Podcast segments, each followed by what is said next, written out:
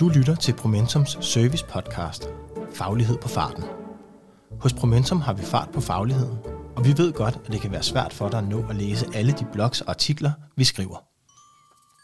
Derfor har vi lavet denne podcast, så du kan blive klogere, mens du er på cyklen, i toget eller på løbeturen, og på den måde er det slut med dårlig samvittighed over al den viden, du plejede at gå glip af. Selv tak. Dagens artikel er indlæst af Sofie Flod Fuglsang Nielsen. Det bedste råd til at håndtere modstand mod forandringer af Andreas Lindemann. Du kommer langt med empati og nysgerrighed, hvis du samtidig er nærværende, sagde min kollega forleden, da vi talte om, hvordan man kommer godt fra start med et forandringsprojekt. Hans pointe var, at det i første omgang handler om at være nysgerrig på den omverden, som de, der skal forandre sig, er en del af. Og samtidig skal vi som forandringsledere undlade at kloge os på, hvor begejstrede vi synes kollegaerne burde reagere på vores fantastiske projekt. Forstå, før du selv søger at blive forstået.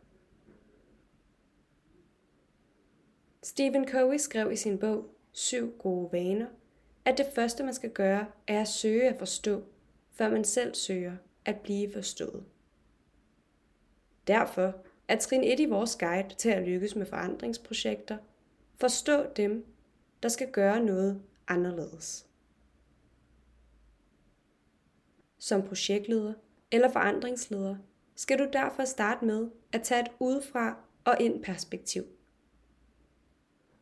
det vil sige, at du skal sætte dig grundigt ind i, hvad det er for en dagligdag, som dem, der skal gøre noget anderledes, er i. Og hvorfor det, som de gør i dag, giver god mening for dem. Samt, hvad der betyder noget for dem. Når du nysgerrigt undersøger det, vil du i samme moment så småt begynde at involvere dem i udviklingen af løsningen.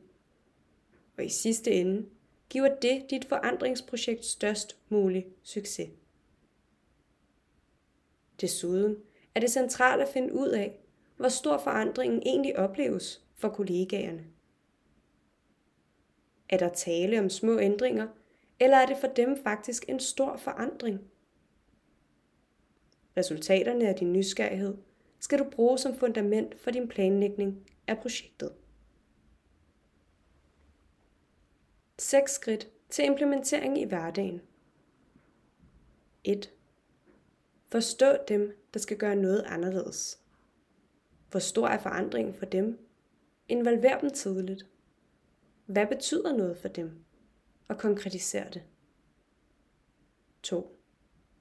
Formuler en tydelig kobling til strategien og skab retning ved at definere effekten. Definer både adfærdsændringer og resultater for organisationen. Og sørg for legitimitet og ledelsesopbakning. 3. Planlæg og vær åben. Sæt rammer og retning og involver i udviklingen af løsninger. Skab anledninger til selvorganiserende lokale interaktioner og lyt. 4.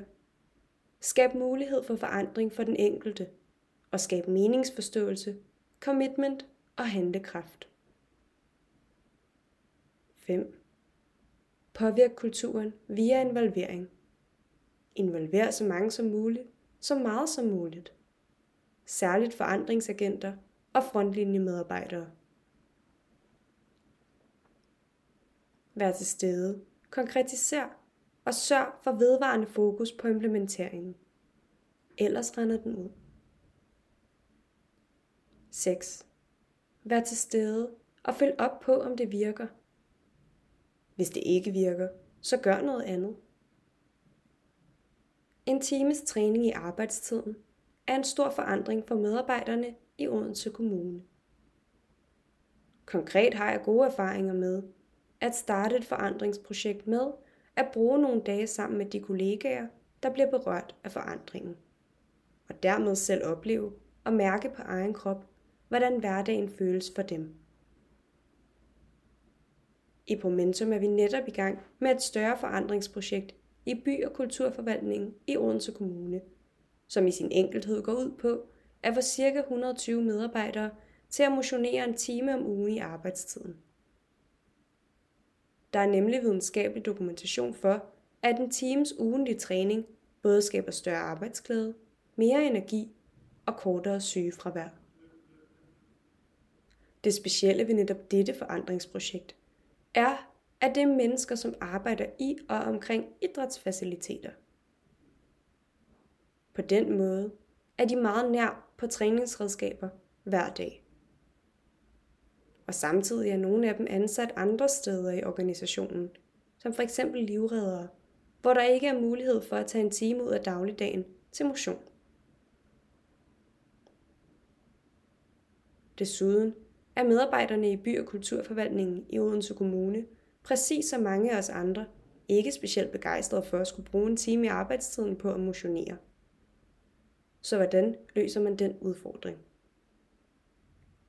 I første omgang var det essentielt for os at komme ud og snakke med disse folk. Vi aftalte to dage, hvor vi kom på besøg rundt omkring på de forskellige lokationer.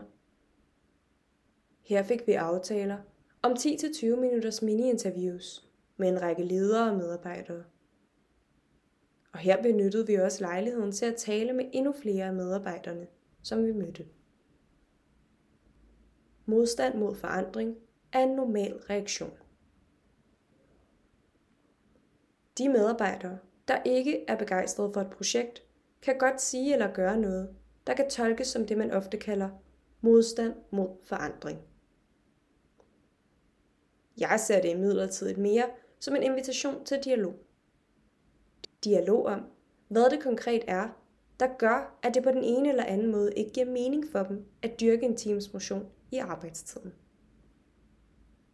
Når jeg skal finde ud af, hvad jeg kan gøre for at hjælpe dem, søger jeg ofte inspiration i Rick Mowers tre forskellige niveauer af modstand. Niveau 1 hedder, jeg forstår det ikke.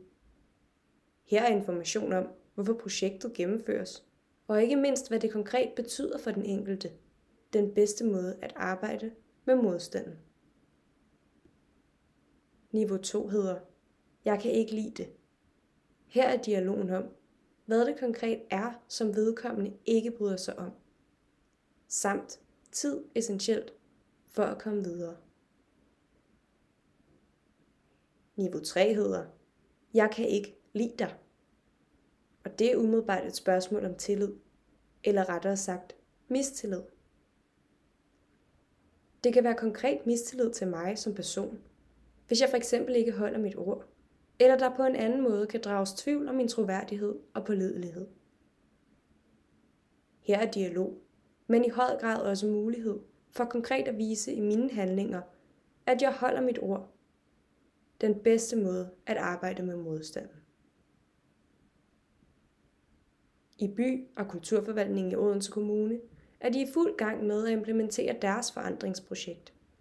Hvis du er nysgerrig på, hvordan du griber forandringsprojekter an på en god måde, og gerne vil vide mere om de øvrige fem trin fra vores model om implementering af forandringsprojekter, så kan du læse og finde inspiration i vores folder Hverdagsimplementering Vejen til succesfuld implementering af forandringer.